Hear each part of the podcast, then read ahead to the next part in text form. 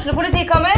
Ine Jansen er purk. Er du purk? The motherfucking bitch. Alt jeg vil, er å finne ut hva som skjedde med mannen min. Jon Carew. Er jeg sikta for noe? Iben Akeli. Det er du.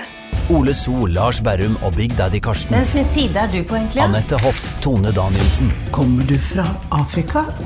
Jørnis Josef, Nesten. Kløfta. Trond Espen Seim, Det er synd å si det, men det var feil mann som døde. Purk. Premiere tirsdag på TV2 Play.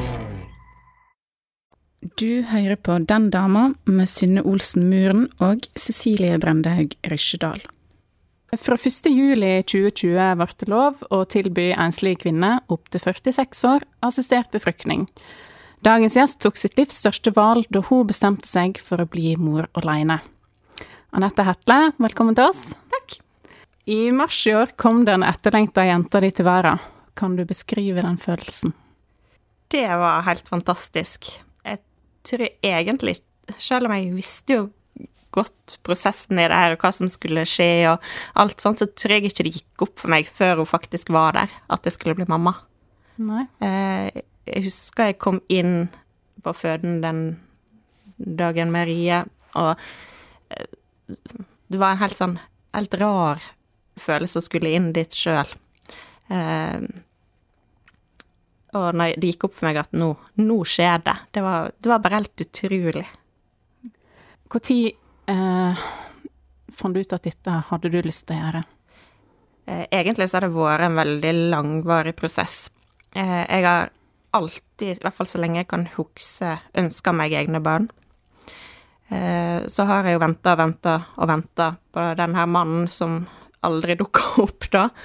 Eh, Og tenkt at eh, det var i utgangspunktet en mann jeg skulle ha, og det her vanlige A4-livet, hvis en kan kalle det det lenger.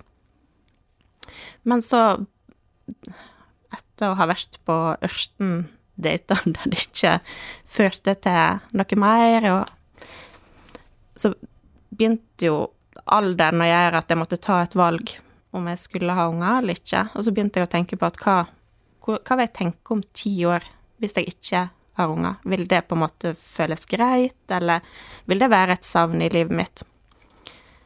Så endte det opp med at jeg landa på at for meg var det viktig å få barn.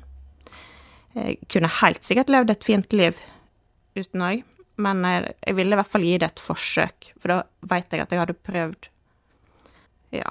Så det var vel kanskje først og fremst det at eh, alderen begynte å nærme seg at du må ta et valg. Du kan ikke nødvendigvis få barn du er langt over førsttid, og så visste jeg at det, det tar jo nødvendigvis litt tid. Så ja, det var vel først og fremst det som førte til at jeg bestemte meg sånn endelig. Men jeg har sagt til familie og venner i årevis at hvis jeg ikke finner noen å dele livet mitt med og få barn med før jeg er førstig, så skal jeg gjøre det. Og tilfeldigvis var jeg akkurat når den nye bioteknologilova var vedtatt, så var jeg hjemme hos foreldrene mine, så vi satt og så på nyhetene. Eh, Så da fikk jeg jo på en måte en veldig fin anledning til å spørre dem litt om hva de syns om det. Så det visste jeg på forhånd, hva de tenkte i forhold til det. Ja, hva sa de? Nei, de så ikke noe problem med det. det altså, det finnes jo alle mulige forskjellige familier, så hvorfor skulle ikke det være en mulighet? Og det var liksom ikke noe problem for de, fra deres side, i alle fall. Men hvordan eh, føltes det for deg? Eh, for jeg tenker at eh, det er flere elementer oppi dette, men det er klart at det å få barn er en stor jobb. Eh, og for mange så ja, er den sammensetningen annerledes. Mange har jo noen deler det ansvaret med. Mm. Eh, hva på en måte tanker gjorde du deg på forhånd om å ta på deg den store jobben alene?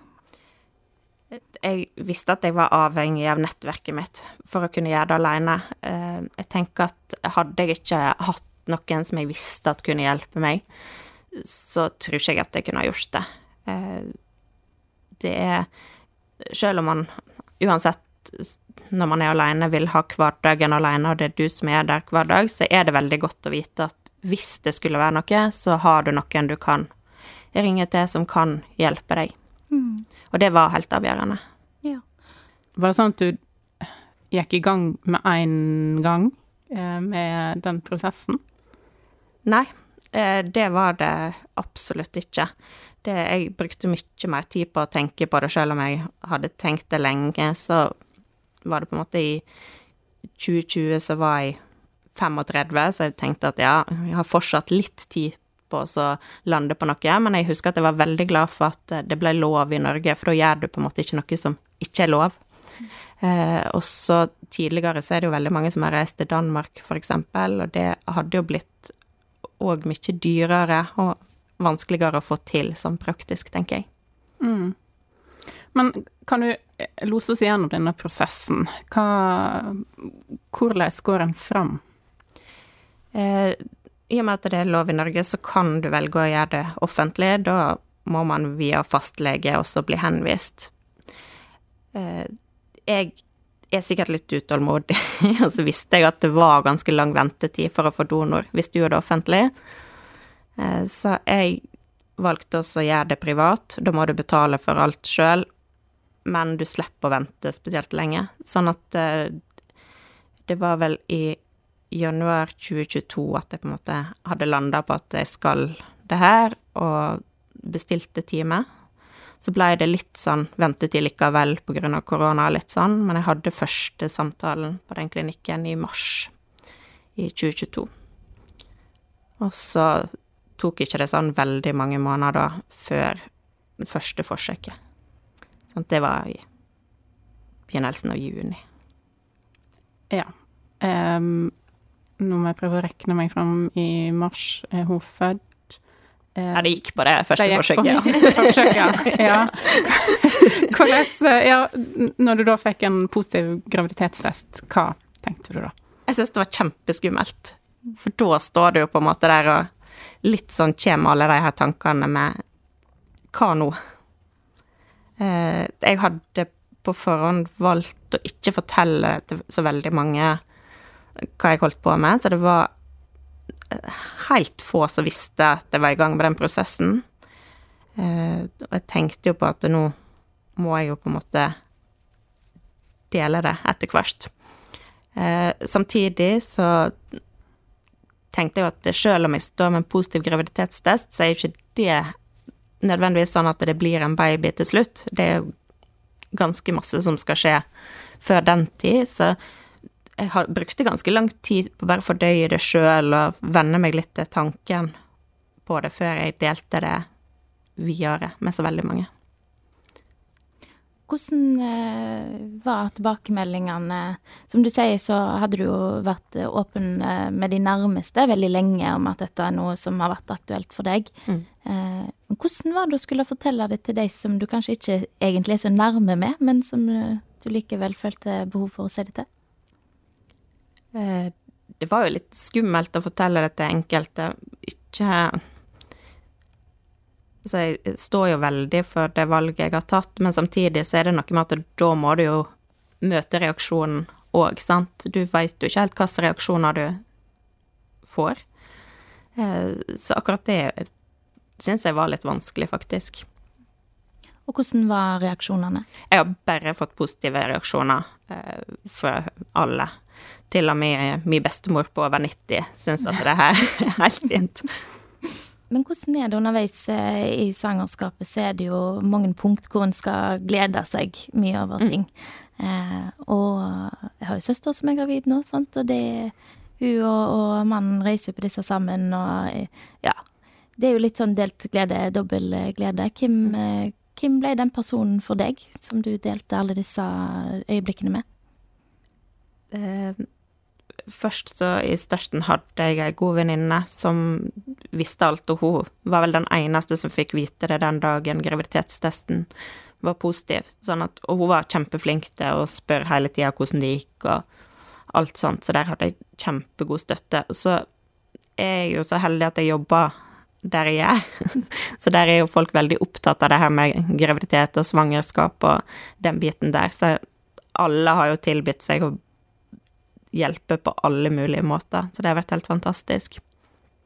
Og så var jeg vel på den aller første ultralyden aleine, faktisk. For jeg følte litt på at det, det, her skal jeg jo gjøre aleine. Jeg har lyst til at det første møtet med barnet mitt skal være meg. At det ikke skal være noen andre som er med akkurat den gangen der. Det kjente jeg veldig behov for, at det skulle være noe jeg gjorde, på en måte. Og det var ikke det at jeg ikke hadde folk jeg kunne tatt med da òg, for det hadde jeg absolutt, og det var nok noen som hadde lyst til å være med, men som ikke fikk det da. Og så, når vi kom videre, så fikk søstera mi være med på én ultralyd, og mamma var med på én ultralyd. Men så er det jo igjen litt sånn at jeg i og med at jeg er kollega med de som tar ultralyd, så kjenner jeg jo de godt fra før, så jeg opplevde ikke det som noe stort problem å gå dit alene. Det, det gjorde jeg ikke. Nei, for du er jo jordmor på eh, sentralsykehuset. Ja. Så kan det hende noen har eh, truffet deg eh, når du har vært på jobb. Når du har da gått og lengta etter å få barn, hvordan er det da å jobbe så tett med andre som ja, får en baby? Jeg syns egentlig ikke at det, var noe problem, for jeg klarer altså å skille på mitt og deres liv. Og de som får babyer, har jo òg ønska seg veldig det her, stort sett i alle fall. Eh, sånn at det ble på en måte noe annet, så jeg føler ikke at det påvirka egentlig jobben sånn sett. Jeg, men jeg håpte jo selvfølgelig at jeg òg skulle få lov å oppleve det en dag. Hvordan er det å stå i lag med eh, en familie som opplever det største i livet, altså sånn generelt for jobben din? Fantastisk. Det er den beste følelsen som fins når jeg får den der eh, fine, lille babyen på brystet sitt, og alt på en måte av smerte og alt forsvinner litt oppi det her. Det er bare helt utrolig. Hvor lenge har du jobba som jordmor? Jeg var ferdigutdanna i 2012, så det begynner å bli noen år etter hvert. Ja. Mm. Men etter jul en gang så skal du begynne i ny jobb? Ja, mm. det skal jeg. Da skal jeg jobbe i kommunen istedenfor å følge opp gravide der. Så det blir veldig spennende. Det å få se en annen bit av det. Og så gleder jeg meg veldig til å få følge noen over litt lengre tid. For når jeg møter folk på føden, så er det jo stort sett når de er i fødsel, og kanskje disse her dagene på barsel. Mens når du jobber i kommunen, så får du jo følge opp over mye lengre periode, og bli kjent på en annen måte, tenker jeg. Så det tror jeg blir veldig spennende. Hvordan var det da, når du kom til din fødedag, mm. og du skulle tilbake til arbeidsplassen din og føde? Var, var det litt spesielt? Ja, altså Spesielt var det nok, men jeg følte jo hele tida at jeg var veldig trygg, for jeg kjenner jo alle som jobba der, og følte at det her Altså stolte på at det her skal nok gå fint uansett. Men hvordan var det da? Jeg tenker Du har jo jobba og, og, sett uh, utallige fødsler. Um, men sånn for meg som ikke har født, så virker jo dette som en utrolig skummel ting. Hvordan var opplevelsen din personlig, kontra hvordan du kanskje har gjort deg en oppfatning av uh, situasjonen gjennom jobb? Det var egentlig et godt spørsmål når jeg har beskrevet fødselen etterpå, så har jeg jo sagt at den blei sånn som jeg ville at den skulle bli. Altså Det tok ikke mange dager, og ting gikk på en måte helt normalt framover. Vondt er det uansett, men det er veldig verst idet du får møte den her lille. Mm. Hadde du med deg noen på fødestua? Ja, jeg hadde med mamma og søstera mi. Hvordan var det? Det var fint å ha noen der å dele det med. Det var det. Jeg er veldig glad for at jeg tok med meg noen. Eh, og kanskje noen som òg er veldig nærme. Og mamma har jo vært gjennom dette her før, sånn at det òg var jo en trygghet å vite. Eh, mor di, hun skal, eh, sånn som jeg har forstått på deg, Eh, passe jenta di nå når du begynner jobb igjen. Ja. Det er jo en kabal sånn generelt for de som blir foreldre, dette der med jobb og skal ut i jobb igjen når, før ungen er begynt i barnehagen. Hadde du løst den floka før den kom, eller hvordan eh, gjorde du det for din del? Eh, nei, jeg hadde egentlig ikke tenkt så langt for å være helt ærlig, så hadde jeg sikkert ikke satt meg inn i at det var vanskelig å få barnehageplass fra mars. Jeg hadde bare tenkt at det, det ordna seg sikkert. Og det hadde nok sikkert gjort det òg på et eller annet vis, men kanskje ikke med noen av de barnehagene som er nærmest, i alle fall. Eh, men så er det sånn at eh, mine foreldre tilbydde seg at de kunne passe henne de månedene, hvis de ville det. Eh, og så tenkte jeg at det var jo egentlig en fin mulighet til, til å bli godt kjent med dem uten meg, og håper jo at det er kjekt for dem òg, da, å få lov å bruke de månedene i lag med henne. Mm. Og de bor på Viksdalen? Ja. ja. Skal, de, skal, du kysse opp der, eller kommer det et Førde? Nei, planen min er at vi skal bo der oppe. De, har, de bor på gard, og der er bestemora mi hadde et hus som har stått tomt i noen år nå etter hvert. Eh, sånn at vi skal bo der da de månedene før hun begynner i barnehage, sånn at det er meg som pendler. Jeg tenker at det er den greieste løsninga. Det er litt langt for ei så lita ei å drive og pendle så langt hver dag, syns jeg. Og så er det jo sånn sett greit for de å være hjemme, da kan jo de holde på litt med sine ting. De er jo to stykker, så da Ja, jeg tenker at det blir den lett, eh, letteste løsninga for alle. Mm. Nå har jo hun blitt uh, åtte måneder. Ja. ja. Hvordan vil du hvis du skal beskrive de første månedene med henne, hvordan har livet endra seg? Det har jo forandra seg veldig. Eh, fra å være den personen som helst ville gå seinvakter for å kunne sove lengst mulig, til å synes at eh, ja ja, halv sju er jo ikke Det er jo et fint tidspunkt å stå opp på. Bare det. Ja, altså, har klokka bikka seks, så er vi kjempefornøyde. Så ting har endra seg veldig sånn. Og så har jeg jo eh, fått oppleve den her med de bekymringene som du får, som er helt sånn Kanskje lite logisk, men du blir bekymra for helt rare ting. Jeg husker hun var sikkert sånn kanskje to uker. Hun lå i vogna og sov, og jeg hadde på babycall. Jeg har ikke spesielt stor leilighet, så du hører henne veldig godt. Så hadde jeg tenkt at jeg skulle ta en dusj. Akkurat når jeg hadde tatt sjampo i håret, så kom jeg på at Lurer på om jeg låste døra. Hun kan jo tross alt bli kidnappa. veldig sannsynlig, sant? Så man får helt sånne rare bekymringer som jeg Og de var jeg kanskje ikke helt forberedt på at det skulle komme. Det var veldig masse jeg hadde forberedt meg på. At uh, amming kunne bli utfordrende, og at det ble lite søvn og alt sånt, hadde jeg jo på en måte innstilt meg på. Men akkurat disse her tankene der, de var jeg ikke helt forberedt på. Nei, en blir jo litt sånn hønemor, kanskje. Ja. Uten tvil. ja. Og det her med sant, Jeg hadde tenkt jo at ja ja, men det er jo så mange som har tilbudt seg at de kan trille eller ja, gå tur med henne eller passe henne og sånt, men du har jo ikke så veldig lyst til å låne henne vekk, da. Nei, jeg kjenner meg igjen i den følelsen. ja. Vi vil jo helst være i lag med henne sjøl, mest mulig, så det har blitt lite av det. Men hvordan er det da å ta vare på eh, deg sjøl oppi det? For det er jo kanskje sånn hvis du bor sammen med noen at de kan se litt hva du trenger. Mm. Eh, jeg vil bare anta at det er ikke så lett sjøl når en står midt oppi det. Så hvordan eh, på en måte henter du deg ned og, og tenker sånn OK, hva er det jeg trenger i dag? Jeg vet ikke, jeg var jo så veldig innstilt på at jeg skulle være alene, at jeg ikke hadde den muligheten. Jeg tror at hvis du hadde hatt en partner som ikke bidro med det du kanskje ønska, at det hadde vært tyngre enn at du veit at du er alene hver dag, og at det utgangspunktet er sånn det er. Men jeg har jo vært flink til å utnytte meg av hvis vi har hatt besøk eller sånne ting, at jeg kanskje kan dusje når de er der, for da har jo den muligheten, eller at jeg kan ta en liten tur på butikken bare sånn aleine. Det har blitt liksom sånn Det føles nesten som helt uh, rart å skulle gå i butikken aleine.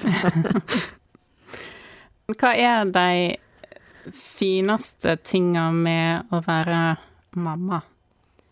Det å få følge det her lille mennesket som kommer ut sant, helt forsvarsløs og må ha hjelp til alt, som etter hvert begynner å gi respons på ting.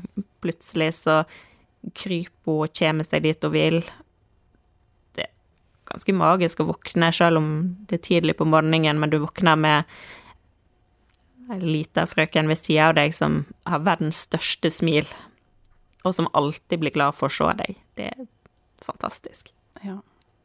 Men har du vært ute nå? Sånn tatt deg en tur på kino eller gjort andre ting alene uten noe til nå? Jeg har vært i bryllup. ja. Det var liksom eh, min fridag. Ja. Ja. Ellers så har jeg har faktisk vært noen kvelder sånn uten. Det har jeg. Så det, det har gått fint, men jeg sitter jo alltid og lurer litt på hvordan det går med om hun sover, eller må liksom ha litt kontroll på hva som skjer hjemme samtidig. Klarer ikke å slippe den helt. Når en er uh, alene uh, med et barn, hva forsaker en når det gjelder det sosiale liv med, med andre? Det er klart at uh, hvis jeg skal ut av huset på noe på kvelden nå etter hvert, så må jeg jo ha barnevakt til det. Så det blir jo en prioritering på hva du vil bruke barnevakt til. Hadde du hatt en partner, så hadde det vært lettere å bare sant, gå ut hver sine kvelder, eller sånne ting. Men samtidig så er dette her noe jeg har ønska så lenge og savna sånn, at jeg foreløpig så ser ikke jeg på det som noe Jeg tenker at det kanskje blir litt sånn uansett når du blir forelder, at du ikke har det samme sosiale livet som du hadde tidligere. Men hva med det romantiske, da? Har du i praksis velt vekk på en måte den delen av livet for noen år nå, eller? Ikke sånn bevisst, tenker jeg, men det er jo klart at det blir ikke mye tid til akkurat den biten nå. Sånn at eh, sånn ubevisst så har jeg vel kanskje gjort det på et vis, men Og det er jo ikke sånn at jeg valgte jo aldri å få barn alene fordi at jeg ikke ville ha en mann, men ville være alene. Det var jo et valg jeg gjorde med tanke på at eh, hvis jeg skal få barn, så må det skje nå. Mm. Eh, en partner kan du vel forhåpentligvis da møte seinere i livet òg. Men hvordan var det å på en måte Hva skal jeg si um, ja, altså sånn, Hvordan var den følelsesmessige prosessen rundt det? Eh, for jeg tenker at vi er jo veldig opptatt av dette, å finne en partner, vi skal liksom gifte oss og få barn, alt skal gå i den. Eh, hvordan var det for deg? Du var jo fremdeles ung, og, og på en måte si at nei, nå blir det ikke sånn, eh, nå går jeg en annen retning. Jeg tror det nesten var verst før jeg hadde bestemt meg. Tenk, den tanken på at nå er det det her jeg gjør. At det ikke, livet ikke blei helt sånn som du kanskje hadde tenkt og drømt om og sånt på forhånd. Men samtidig så har det jo blitt veldig bra. Men hva tenker du om tilbudet en har nå, da?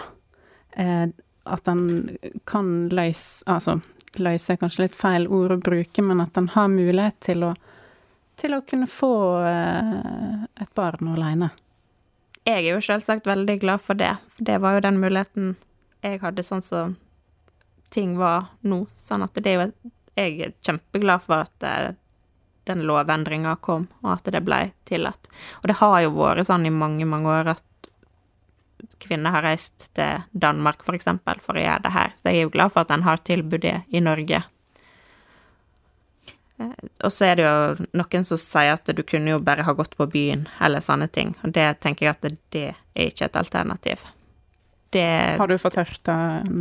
Ikke sånn direkte, men via via at det er Ja.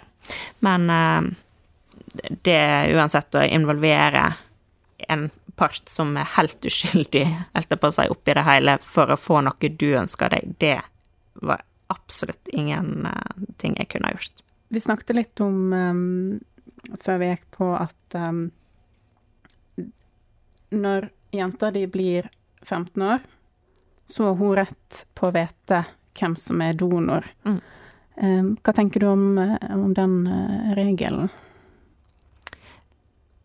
Altså, grensa må jo gå en plass. Jeg har skjønt at tidligere var det 18, og så valgte de å sette det til 15 i den nye lova. Så er det helt sikkert mange aspekt rundt hvor tid som er riktig tidspunkt og sånt, men jeg tenker at det viktige er jo at man hele tida er åpen rundt det. Det skal aldri være sånn at ikke hun veit hvordan hun har blitt laga. Eh, og det har man jo rettigheter til òg. Og Helse Norge har faktisk noen råd til tid man bør si det, og hvordan man kan si det i de ulike aldrene.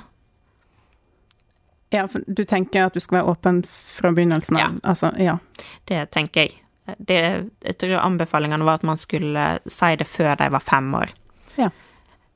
Eh, og så tenker jeg at det er jo mange måter å begynne å introdusere det litt tidlig.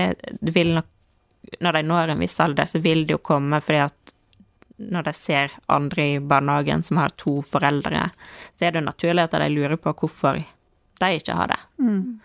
Men jeg tenker at det er lettere å begynne helt fra begynnelsen med at eh, det Og selvsagt det er en litt forenkla versjon, man kan ikke si til en toåring den hele prosessen, men at man begynner da, og så veit jeg det, på en måte. At det aldri skal være sånn at eh, det plutselig er bare en dag er sånn Oi. For det er jo kanskje sånn at vi opplever at mange begynner å spørre spørsmål, sant. De kan se andre i barnehagen som har to foreldre, det er mor og far eller to mødre, men, Mm. men at de ser det at OK, men her er det to. Um, hva tanker har du gjort deg om det, på en måte? Er du, er du redd for at det blir et savn for barnet ditt? Det er selvsagt noe jeg har tenkt veldig mye på før jeg gjorde det her, om det ble det. Men så har jeg landa på at eh, det er mange som vokser opp med en av foreldrene sine, kanskje har de en forelder som de veit hvem er, og alt sånt, men som ikke stiller opp. Kanskje det viktigste for et barn er å ha en omsorgsperson som er der 100% og som i hvert fall stiller 100 opp. Mm. Hvordan eh, tror du at det blir for din del? For eh, vi kan jo ofte forberede oss på eh, sant, hvordan skal ting bli, men eh, til sjuende og sist, så når du får det spørsmålet, eh, er du redd for at det kommer til å være sårt og vondt? Nei, jeg tenker at dette er jo noe jeg har valgt å gjøre, så da må jeg òg tørre å stå i det. Og jeg tror det viktigste er at man er åpen og snakker om det og svarer på de spørsmåla som måtte komme. Og så at det er du sjøl som forteller det, at ikke dette er noe de får vite via noen andre. Og hvordan er det for din del? Altså, eh, har det vært nok for deg å holdt på å si, bli enig med deg sjøl, eller har du søkt eh, informasjon fra om det er lege eller noe annen på en måte, organisasjon da, som kjenner til disse situasjonene fra før? Jeg har brukt en del å høre på andre podkaster, faktisk, med mødre som har gjort det samme. Ellers har det vært eh, sosiale medier, sånn som Instagram og sånne ting, der det er en del profiler som deler hvordan de har gått frem, og hvordan prosessen har vært, og hva som har vært tøft etterpå. Så det har vært veldig greit. Tror du at eh, det at på sosiale medier eh, det er en åpenhet rundt dette, tror du det på noen måte altså påvirka eller hjalp deg i din avgjørelse? Jeg tenker at det er litt greit å se hvordan andre som har gjort det tidligere, har opplevd det, og hva, hva som har vært utfordrende for deres del, ja. Nå har du fått uh, henne. Um, hva tenker du om veien for deg videre? Har du lyst på, har lyst på flere unger? I utgangspunktet så tenker jeg jo at det hadde sikkert vært fint å være to med den samme historien og vokse opp i lag, men vi får se. Så det er ikke sånn at jeg har bestemt at eh, det skal jeg, eller det skal jeg ikke, sånn som det er akkurat nå. Så veit man jo ikke om man kan få flere Nei. barn, sant. Det er jo en prosess uansett. Mm. Sånn at det, det er ikke dermed sagt at det går en gang til. Den, når jeg var på den første samtalen på klinikken, så snakket de om 30% sjanse for at det skulle gå på hvert forsøk, og at de fleste ble gravide i løpet av tre forsøk. Så var jeg jo så heldig denne gangen, men det er jo ikke sikkert at det hadde blitt sånn om jeg hadde prøvd igjen. Fortalte du at eh, du gikk eh, privat? Mm. jeg er jo litt nysgjerrig, altså hva koster det i penger å få, å få et barn alene? Sånn sjølve Bare det å gjøre det, Ja. det koster mye penger. Hvordan eh, var det for deg? Altså, sparte du opp, eller tok du opp lån? Hvordan løste du det? eh, jeg sparte, og så prøvde jeg å jobbe så masse som jeg kunne underveis i den prosessen for å på en måte ha penger til det her, da. Har du noen gang eh, kjent på en frustrasjon, eller at det kan ha føltes litt urettferdig at du tross alt måtte gjøre en så bevisst jobb da, for å, å få det barnet som du ønsker deg? Må jo være ærlig og si at det, det er klart at jeg kjenner jo på at hvorfor kunne ikke det bare ha vært sånn at jeg fant den her mannen litt tidligere, og så i hvert fall kunne ha fått muligheten til å prøve på den måten. Det, det må jeg jo si. Mm. Men hvordan er det nå som eh, du da har kommet inn i det nye livet, og nå er det småbarnsmor. Eh, er det fremdeles noe du tenker på, eller eh, forsvant litt den i prosessen? Jeg har ikke tenkt på det i ettertid. Det har jeg ikke. Tror du at det er noe du kommer til å tenke på seinere?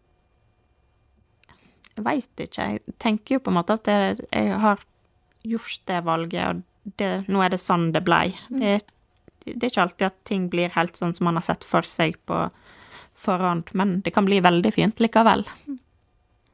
Hva vil du på en måte si til de som sitter hjemme og som kjenner at ja, jeg har skikkelig lyst på barn, eh, men tør jeg å starte denne prosessen? Det er jo selvsagt noe man må bruke god tid på å vurdere hva man ønsker.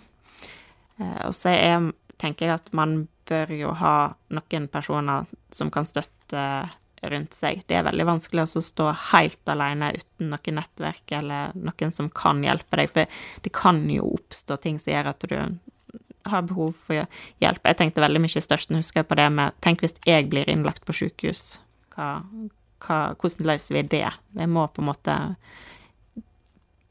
ja, ha en backup i tilfelle det skulle bli et eller annet sånt. Men samtidig så er det veldig verst, det.